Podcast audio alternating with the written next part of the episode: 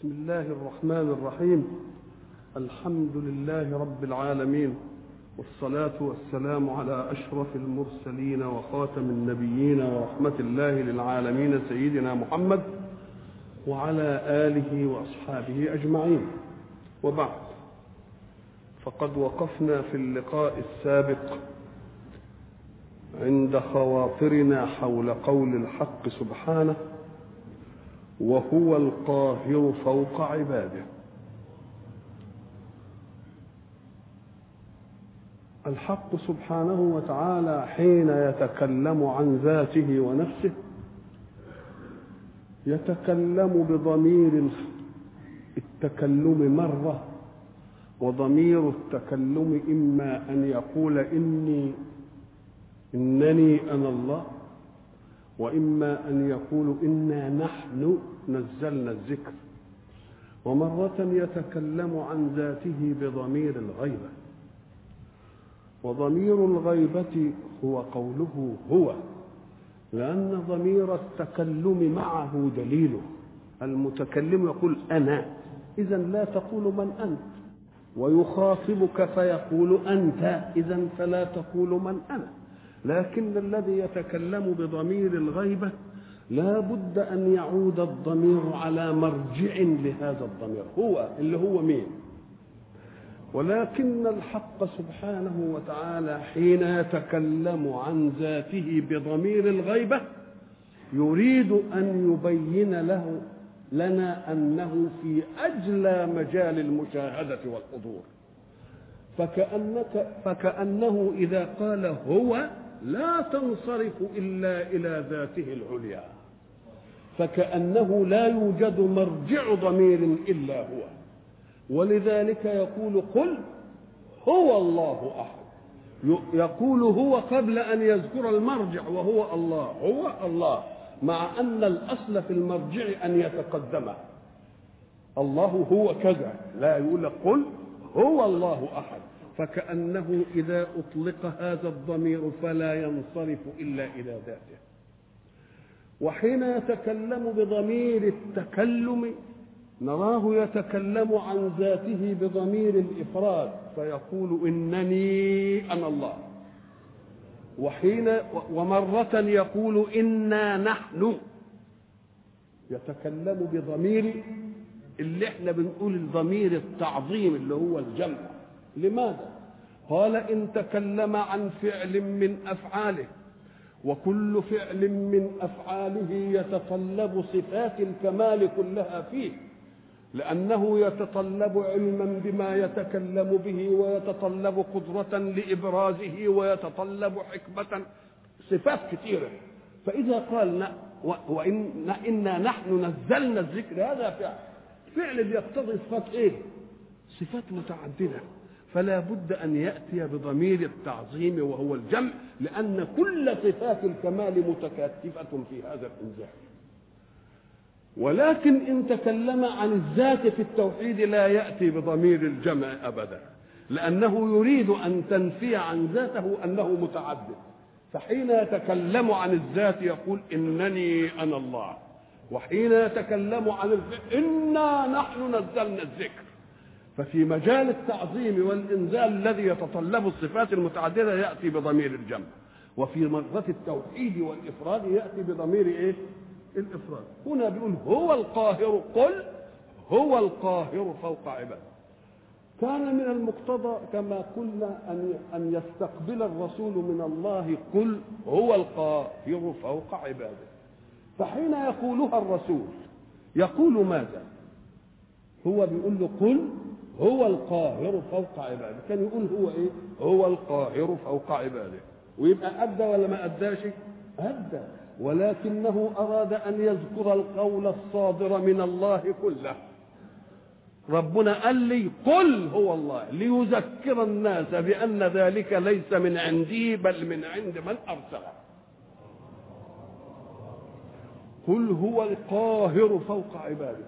كلمة قاهر إذا سمعتها وكلمة قادر تتطلب مقهورا قادر لمن؟ قاهر يبقى فيه مقهور طب ما دام فيه قاهر ومقهور يبقى فيه ميزانية مجالين طب يبقى ما دام قاهر يبقى قاهر لإيه؟ لإيه؟ اللي هيكون مقهور له كل شيء في كونه مقهور له فقد قهر العدم فأوجد.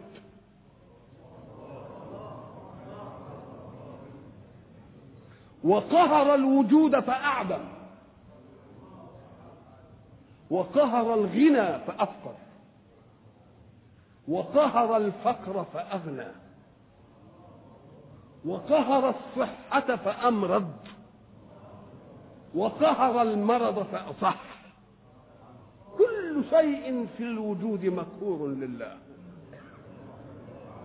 حتى الروح التي جعلها الله مصدر الحس والحركة للإنسان يقهرها.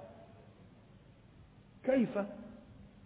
قال لك إذا جاء إنسان فقاتل إنسانا ضربوا على المكان اللي هو منه لا توجد حياة. تقوم الروح تنسحب. يبقى مش معنى وجود الروح في الجسم إنها هي حتى مسيطرة. لا يقدر ينقض البنية التي تسكنها الروح فتذهب الروح. لأن الروح لا يمكن أن توجد إلا في بنية. فنهدم البنية نضربه برصاصة في قلبه كده تقوم الروح ما تجدش بنية صالحة لسكنها فتنتهي يبقى قهر الروح. ومرة يقهر المادة بالروح. فياخد الروح كده من غير آفة ومن غير أي ضربة ولا حاجة. يقوم الجسم يبقى رمة. الله يقهر ديا ويقهر دي علشان ما فيش متقابلات في الوجود تبقى عالية عليه. هو القاهر فوق عباده والقاهر هو المتحكم بقدرة كاملة على المقهور وانظر أي تقابل في الحياة تجد مدين لصفة الإيه؟ القهر وهو القاهر فوق عباده. وهو القاهر فوق عباده. كلمة فوق تقتضي مكانية. ولكن المكانية تحديد بالنسبة لله. وما دام القهر ده يتطلب قدرة هل القدرة تعني أن القادر لابد أن يكون في مكان أعلى؟ ممكن يبقى في مكان تحت والعمارة عالية عالية أوي أوي ويقهر اللي فيها يروح عامل قنبلة من تحت كده يروح موقعها. إذا فالقهر لا يقتضي الفوقية المكانية. إذا فالفوقية المراد فوقية الاستعلاء. فوقية الاستعلاء. ونحن حين نتكلم عن الحق سبحانه وتعالى قلنا يجب أن نتكلم عليه في ذاته وفي صفاته وفي أفعاله في إطار ليس كمثله شيء. فهو ذات لا ككل الذوات في إطار ليس كمثله شيء. وكذلك تأتي في فعله.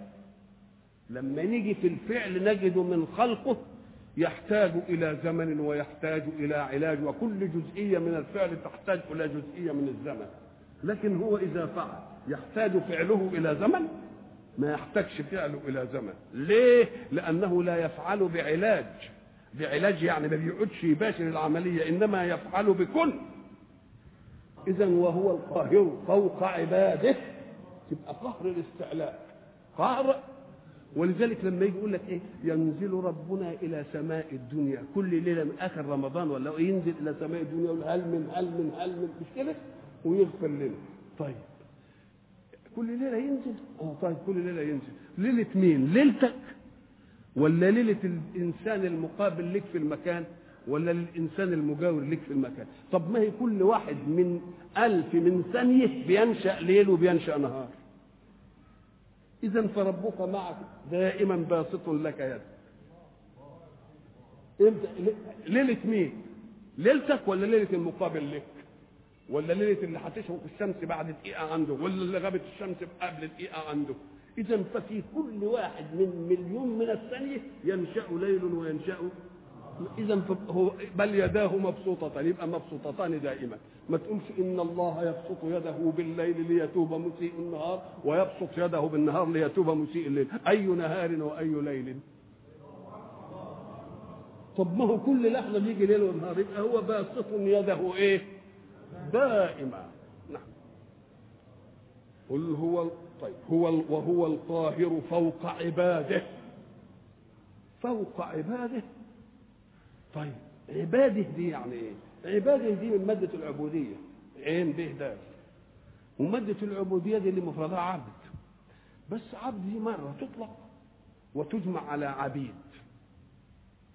ومرة تطلق وتجمع على عباد.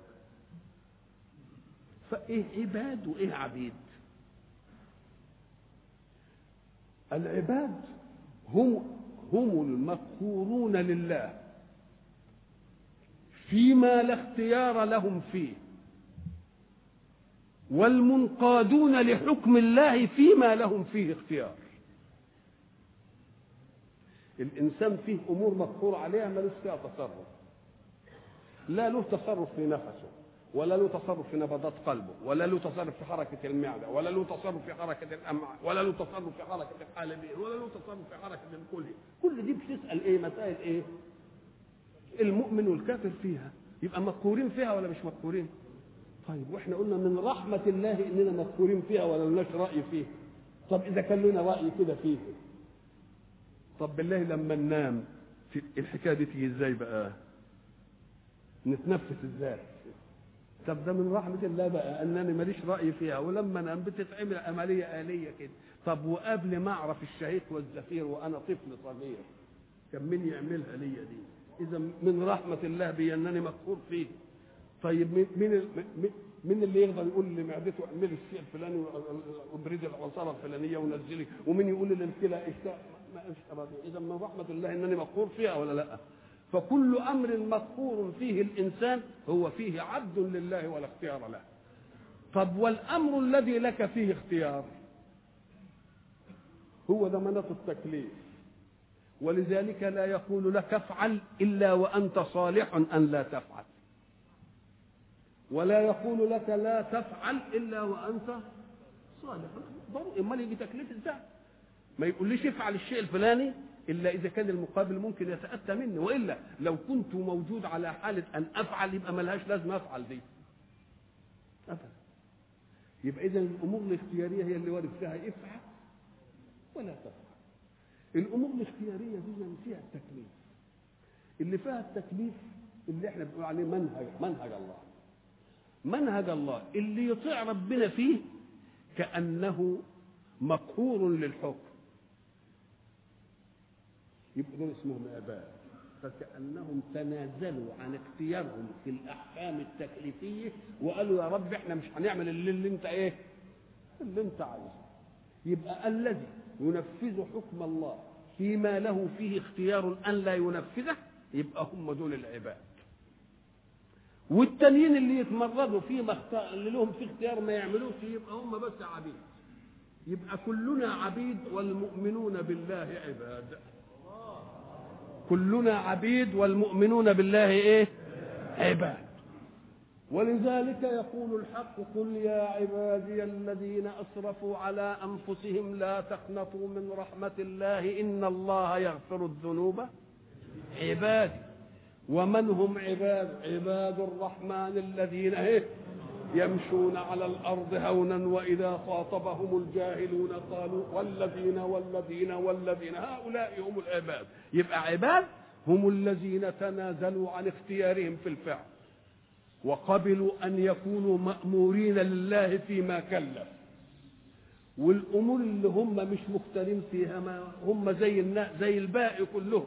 اذا فكل الخلق والكون عبيد الله والمؤمنون به عباد الله.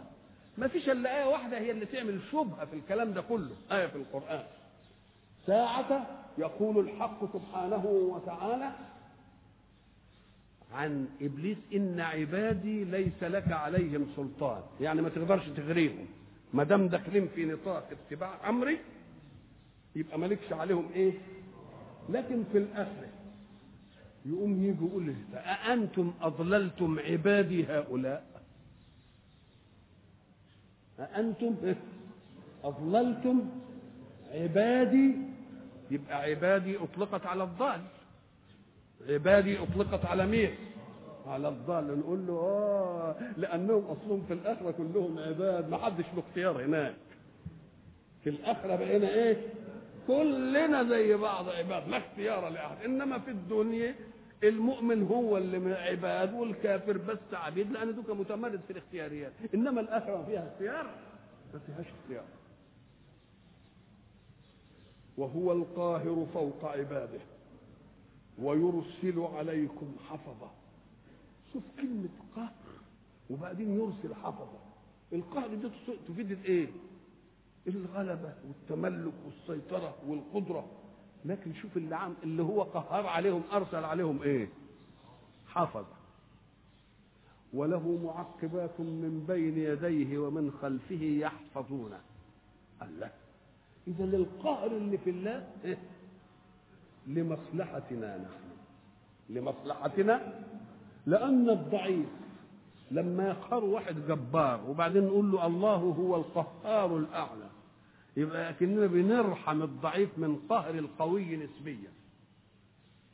ولما نعرف اللي بيقهر الناس يعني من الناس من الناس من يقهر الناس يوم نقول له لا الله قهار فوق الجميع يوم يرتفع عن قهره.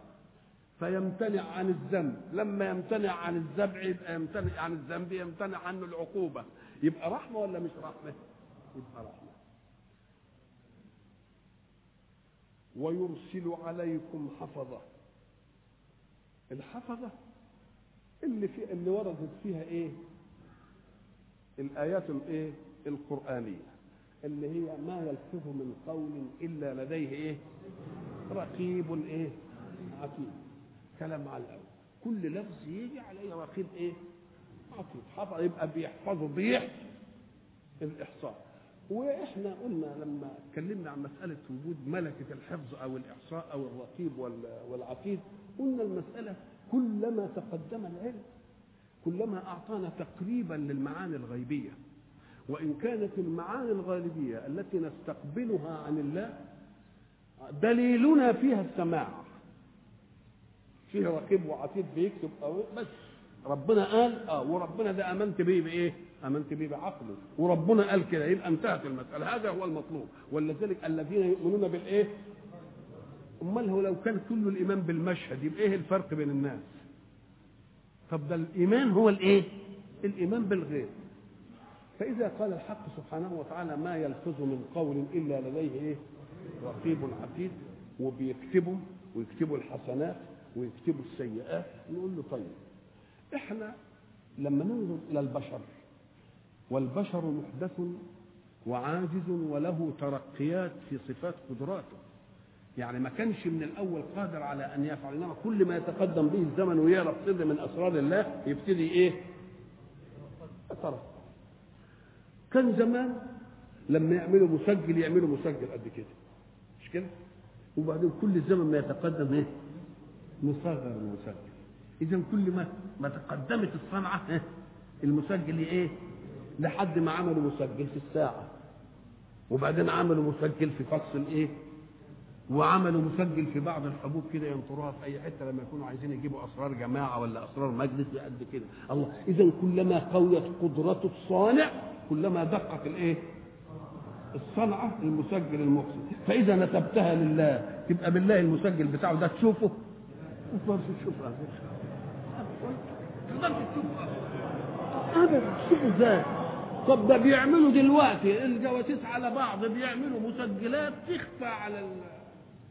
يعملوها تتحط في يأتي مش عارف إيه يعملوها ذرات كده ينطروها في بتاع ولا حد يشوف إيه ويقعد بقى كل واحد منا يتكلم زي الرطل وبعدين يلتفوا له ويجيبوا انفاسه فإذا كان البشر استطاع أن يأتي بمسجلات غير مرئية مع أن قدرته محدودة وحكمه في الصنعة محدود.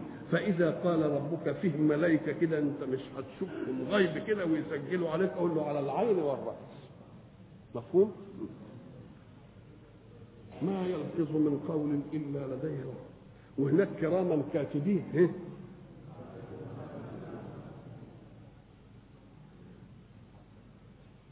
ويرسل عليكم حفظة حتى إذا جاء أحدكم الموت جاء أحدكم الموت.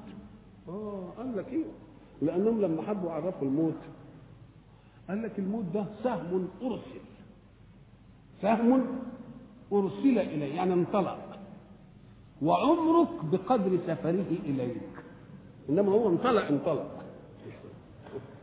يبقى الموت سهم إيه؟ مرسل أرسل وانتهى. بس عمرك بقدر إيه؟ بقدر سفره إليك. يبقى مسألة جاءكم الموت نسب المجيء لمين؟ للموت الموت جاهز الموت إيه؟ ولذلك أبهمه الله.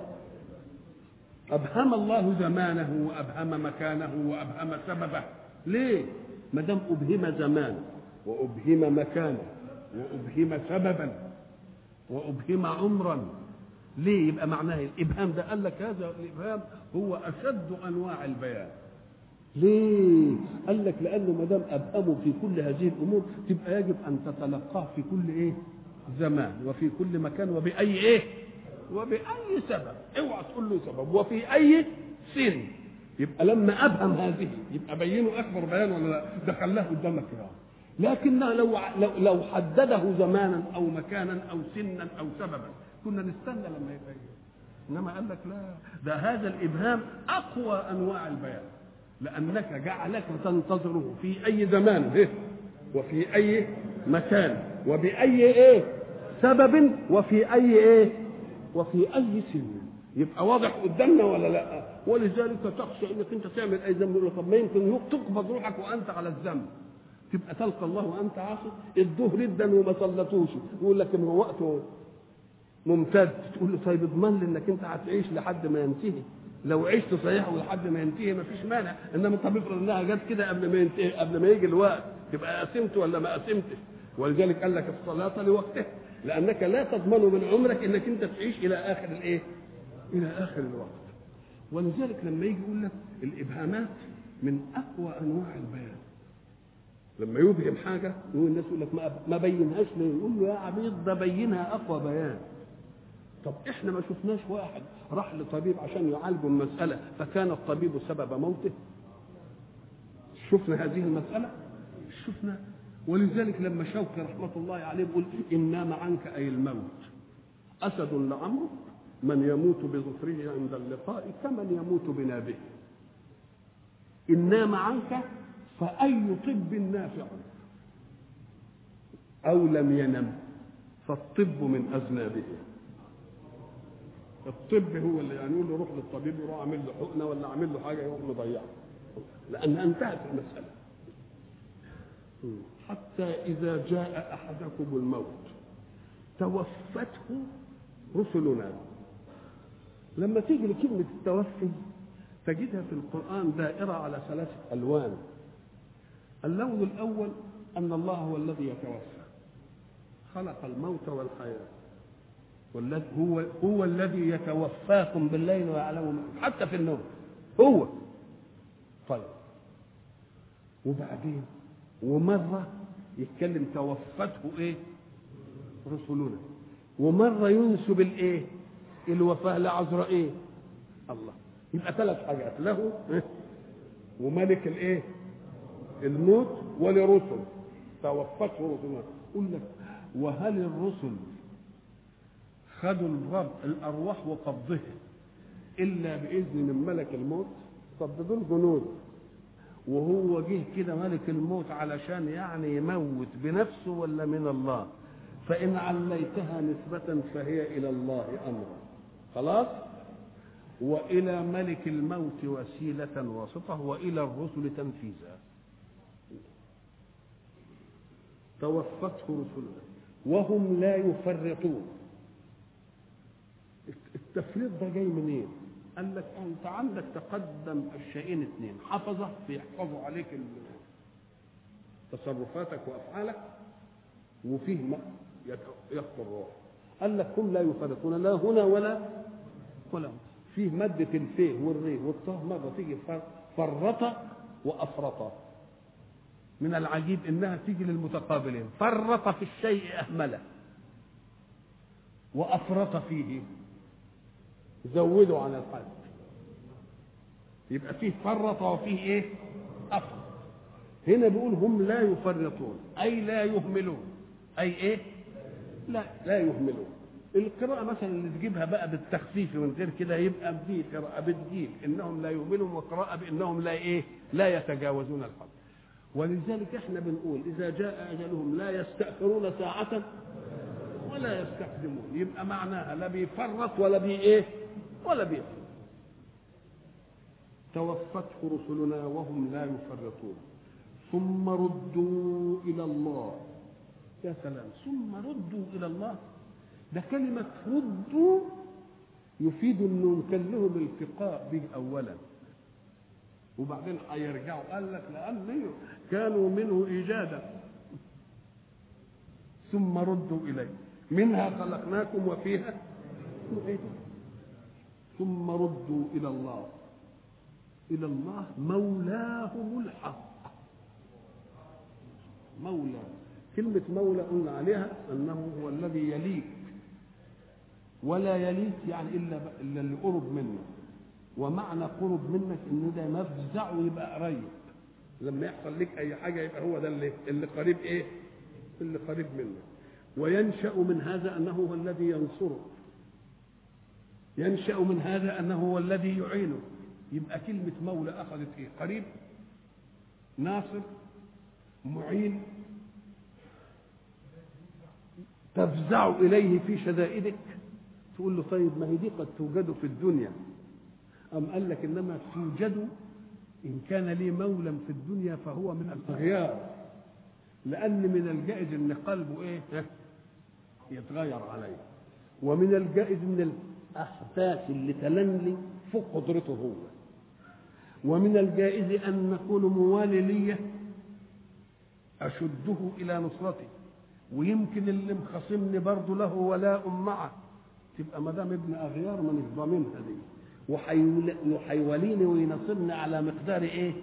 قوته. فإذا كان فيه مولى حق يبقى هو الله. إن كان لكم موالي في الدنيا دول موالي أغيار معنى موالي أغيار يعني إيه؟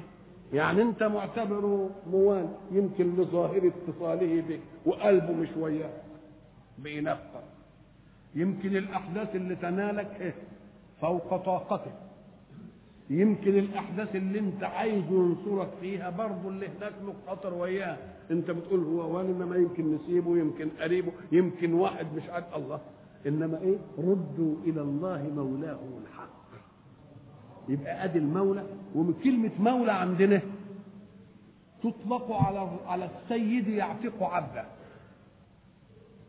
يقول ده مولى مولى العتاقة يعني الذي كان عنده عبد فايه؟ فاعتق طب ما هو ربنا لما يعتقني من النار يبقى مولى ولا مش مولى؟ يبقى مولى قوي. يبقى اذا كل كلمة مولى نقول له هذا هو المولى الحق. وما دام مولى أنا ضامن إن ما فيش قوة أعلى منه. وضامن إن ما ما, ما يتغيرش لأن الأغيار من طبيعة الخلق وهو ما يتغيرش. يبقى ده المولى الحق ولا لأ؟ ولذلك الحق سبحانه وتعالى كما قلنا سابقا حين يطلب منك إنك أنت يعني تبقى ناصح حين آه تعتمد على واحد ينفعك في أمورك. اللي إحنا بنسميه التوكل. توكل يعني تقول فلان هو يساعدني فلان غني لما عاوز فلوس يجيبني فلان قوي يجيبني فلان عالم لما عاوز مش عارف إيه.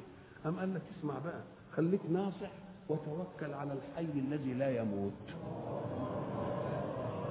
زي ما قلنا زمان ما تتكلش بقى على واحد من الأغيار تتكل عليه وبعدين تصبح الصبح تلاقيه في وش وسابك كده عيني غلبان ولا حاجة يبقى توكل على مين؟ أهي كلمة وردوا إلى الله مولاهم الإيه؟ مولاهم الحق. ألا له الحكم. مولاهم الحق العبارة الأسلوب يقول مولاهم الحق اللي له الحكم له الحكم. الله. وله الحكم ده جاي ليه؟ قال لك آه لأنه في دنيا الأغيار قد يسند بعض الأحكام إلى بعض خلقه ما هو ده بيحكم وده بيتصرف وده بيعين وده بيرفد وده بيجيب وده بيقول وده بيحبس وده بيعمل. لهم أحكام ولا لا؟ لهم؟ لكن في الآخرة لمن الملك اليوم؟ أنت في الدنيا تملك. وتملك برضو إن رزقي يبقى من إيدك وتملك إنك تسكنني وتملك ما تسكننيش وتملك تخيط لي الثوب وتملك ما تخيطوش وتملك تنسجه وما. كل دي من الممكن. ملك بعض أسبابنا لبعض. لكن في الآخرة ما فيش حاجة منه لمن الملك اليوم؟ لله الواحد القهار. وكلمة ألا ساعة ما تسمع ألا له الحكم ألا ألا. يقول لك في اللغة يقول لك دي ألا اسمها أداة تنبيه. أداة تنبيه تنبيه لإيه؟ للي جاي بعدها طب وش معنى يعني دي يعني جاية عشان بأداة تنبيه؟ قال لك لأن الحكم إيه؟ حكم مهم طب وإيه أداة تنبيه؟ قال لك لأن الكلام ده جاي ليه؟ الكلام واسطة بين متكلم ومستمع والمتكلم ينقل أفكاره وخواطره ومطلوبه إلى السامع والمتكلم قبل أن يتكلم يدير الأمر في رأسه يتكلم وما يتكلمش هيتكلم بإيه وهيتكلم إنما السامع بيفاجأ ولا لأ؟ آه. يبقى الكلام وسط بين مين؟ بين متكلم وسامع المتكلم ينقل خواطره إلى السامع قبل ما يتكلم وينقل خواطره وتوجد نسبة كلامية من عنده بتوجد نسبة ذهنية ولا لأ؟ هيكلم وهقول له كذا وهقول له كذا. الله يبقى أنت عشت في مشروع الكلام قبل ما تتكلم. لكن السامع مفاجئ طب افرض إنك عايز تقول له حاجة مهمة. على ما تيجي تتكلم بالمهم يمكن على ما يتنبه تكون فاتت منه جزئية. يقوم قبل بقى ما يكون الخبر مهم تقول لا نبهه بخارج عن الخبر. نبهه بإيه؟ بخارج عن يقول ألا؟ ساعة ما يقول ألا؟ يبقى خدت انتباهه في غير إيه؟ في غير مطلوب. وبعدين يقول له الحكم. يبقى وردت له الحكم وكله إيه؟ وكله انتباه له لأن الانتباه إيه؟ لكن لما ما يكونش جاب اله ويقول إيه؟ له الحكم. يمكن على ما يتنبه إنك بتتكلم ويجي تسمعه تكون فاتت منه إيه؟ وهو عايز المتكلم يريد أن لا تفوته إيه؟ كلمة يقوم ينبهه بغير مطلوب في الحكم ولذلك الشاعر اللي كمان بيقول إيه؟ ألا هبي بصحنك فاصبحين.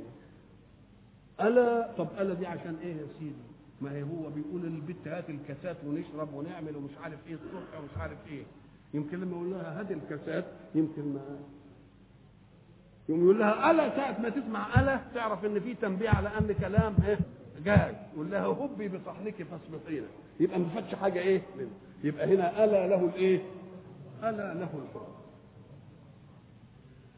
ألا له الحكم والحكم هو الفصل في بين أمرين. ويختلف الفصل بين أمرين باختلاف الحاكم. فإن كان الحاكم له هوى يبقى إيه؟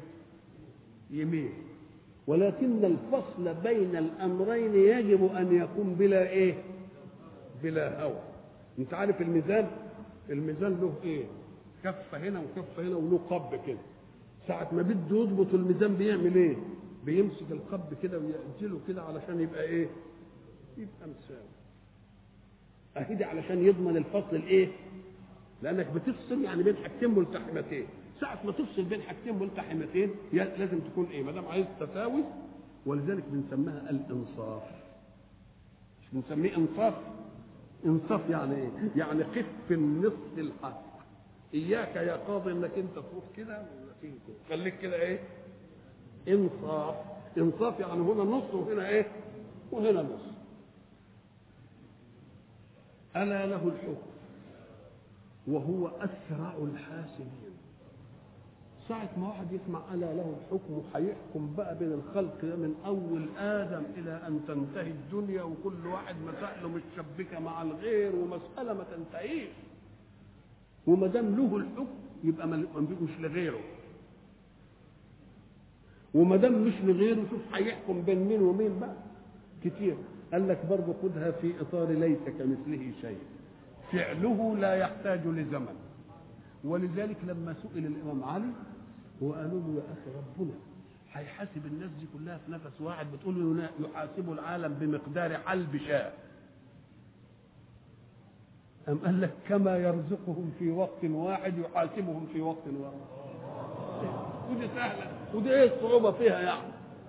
الصعوبة ما فيش فيها أبدا طب ما كان زمان لما بيحبوا يقيدوا المسارج هنا مسرجة وهنا مسرجة وهنا مسرجة كان اللي بيقيد المسارج الوقاد يمشي على دي ويجيب البتاع ويحطها يمشي على دي يمشي دي وبعدين يا أخي ارتقى العقل البشري المخلوق لله في إنه هو يقدر يقيد دي كلها. هذه كلها. ودي فيها إيه يعني مسألة سهلة أوي. وهو أسرع الحاسبين. قل من ينجيكم من ظلمات البر والبحر؟ من ينجيكم من ظلمات البر والبحر كلمة ظلمة تدل على أن الظلمة أمر عدمي والنور ملكي ملكة ملكة يعني إيه؟ الظلمة عدم النور لما يجي النور تروح مين؟ تروح الظلمة طب الظلمة دي إيه لها مهمة؟ والنور له مهمة نقول له آه ولكن المتعب للخلق أن تأتي الظلمة في مهمة النور. وبرضه كان يجي برضه النور في مهمة الظلمة ولذلك قلنا في أول صورة لما تكلم الحق سبحانه وتعالى عن أول امتنان الله الذي خلق السماوات والأرض وجعل إيه؟ وجعل الظلمات والنور. إحنا كان الاصول يقول يقول إيه؟ النور والإيه؟ يقول لك لا. ده الظلمه دي مهمتها زي مهمة النور تمام بس انت يجب انك انت تعي مهمة الظلمه لأن مهمة النور هيعينك على السعي على أمورك والسعي يتطلب طاقة والطاقة لا يمكن أن تأتي إلا بعد سكون وهدوء واطمئنان وراحة. الراحة دي عايزة ظلمة علشان تبقى نايم تمام ولا أي شعاع من الضوء يداعب جسمك. تبقى نايم 24 ساعة كده كويس يبقى إذا الظلمة نعمة ولا لا؟ آه وجعل الظلمات والنور. يبقى لما لما انت تغير وانت تعمل النور مطرح ظلمه وظلمه مطرح نور يبقى إيه؟ زي ما تعمل النور مطرح الظلمه وظلمه مطرح النور يبقى ده إيه؟ يبقى خروج عن الإيه؟ خروج عن مهمة كل متقابلين.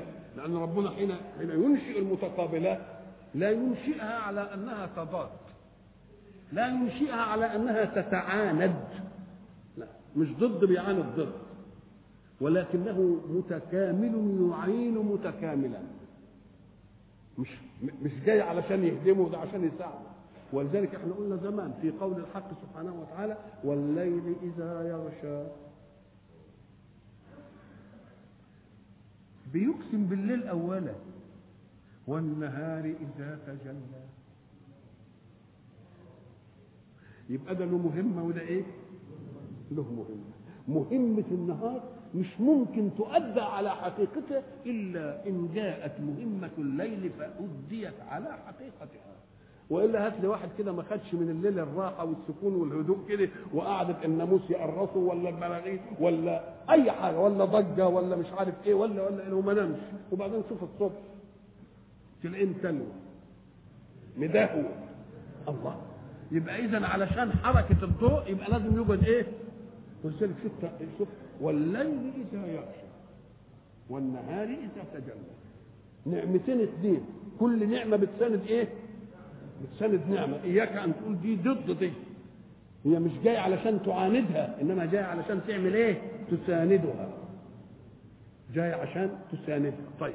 وبعدين أدي أدي الزمن. والليل إذا يغشى والنهار إذا إيه؟ وما خلق الذكر والأنثى. الله. برضه متقابلين اوعى تعملهم متعاندين. إن عملتهم متكاملين تنجح الحياة. إنما متعاندين تفسد الحياة. وما دام الليل له مهمه والنهار له مهمه يبقى الذكر له مهمه والأنثى لها مهمه إن خلطت بقى ولخبطت يطلع الإيه؟ يطلع الفساد احفظها بقى. والليل إيه؟ والنهار وما خلق الذكر إن سعيكم لشتى. كل واحد له مهمه فلما يجي كلمة ظلمات دي هي دي اللي بتخلي تمنع الحركة وتفزعني. ولذلك هي بتجيز لو أنت نايم. إنما إن كنت أنت بقى في مسألة من المسائل وعايز تنهيها وتجيلك ظلمه تطبق عليك تتعب. لأنك أنت مش هتهتدي إلى مواقع الأشياء. ولذلك قالوا هنا في الآية مش الظلمة هي الظلمة دي هي الأهوال التي تنتاب الناس فتلتبس عليهم الأمور كما تلتبس عليهم الأمور في الظلمة. وديا بتوجد في البحر أيضا. لأن مثلا اللي بيركب البحر إحنا لما قرأنا آية إيه؟ أو كظلمات في بحر لجي يغشاه موج من فوقه من فوقه الله. ظلمات بعضها فوق بعض. الشيء لما بتيجي تعمله بسياج واحد تبقى ظلمته. طب تعمله كمان سياج. كمان سياج. تبقى ظلمات بعضها إيه؟ ولذلك التراكبات في المهمات تدي إيه؟ يعني مثلا أنت تقعد في بستان. وبعدين تيجي تلاقي حتة شجرة وتقعد في ظلها تلتفت تلاقي الظل بتاع الشجرة مريح لك. الظل بتاع الشجرة مريح لك. غير لما تقعد تحت ظل سقف طب جرب كده. اقعد تحت ظل سقف واقعد تحت ظل شجرة. الهي اللي بتجد فيها إيه؟ راح الشجر ليه؟ أم قال لك لأن السقف طبقة واحدة مظلة لكن في الشجرة فرع فوق فرع وورقة فوق ورقة يبقى الورقة اللي بتظلك الأولانية متظللة هي في ورقة فوق. والورقة الثانية ظل مركب. ظل إيه؟ وأيضا فالأوراق ما هيش حاجة ثابتة. لما بتكون أنت في ظل مبني في مظلل في سطح مبني جامد وجاب بيحجب عنك هواء إنما الأوراق اللي الهواء ينفد منها يبقى يديك الهواء ويمنع عنك الإيه؟ ويمنع عنك الشمس ولذلك بيسميه ظل ظليل. ظل ظليل يعني الظل نفسه فيه ظل. يبقى ظل إيه؟ مركب إلى لقاء.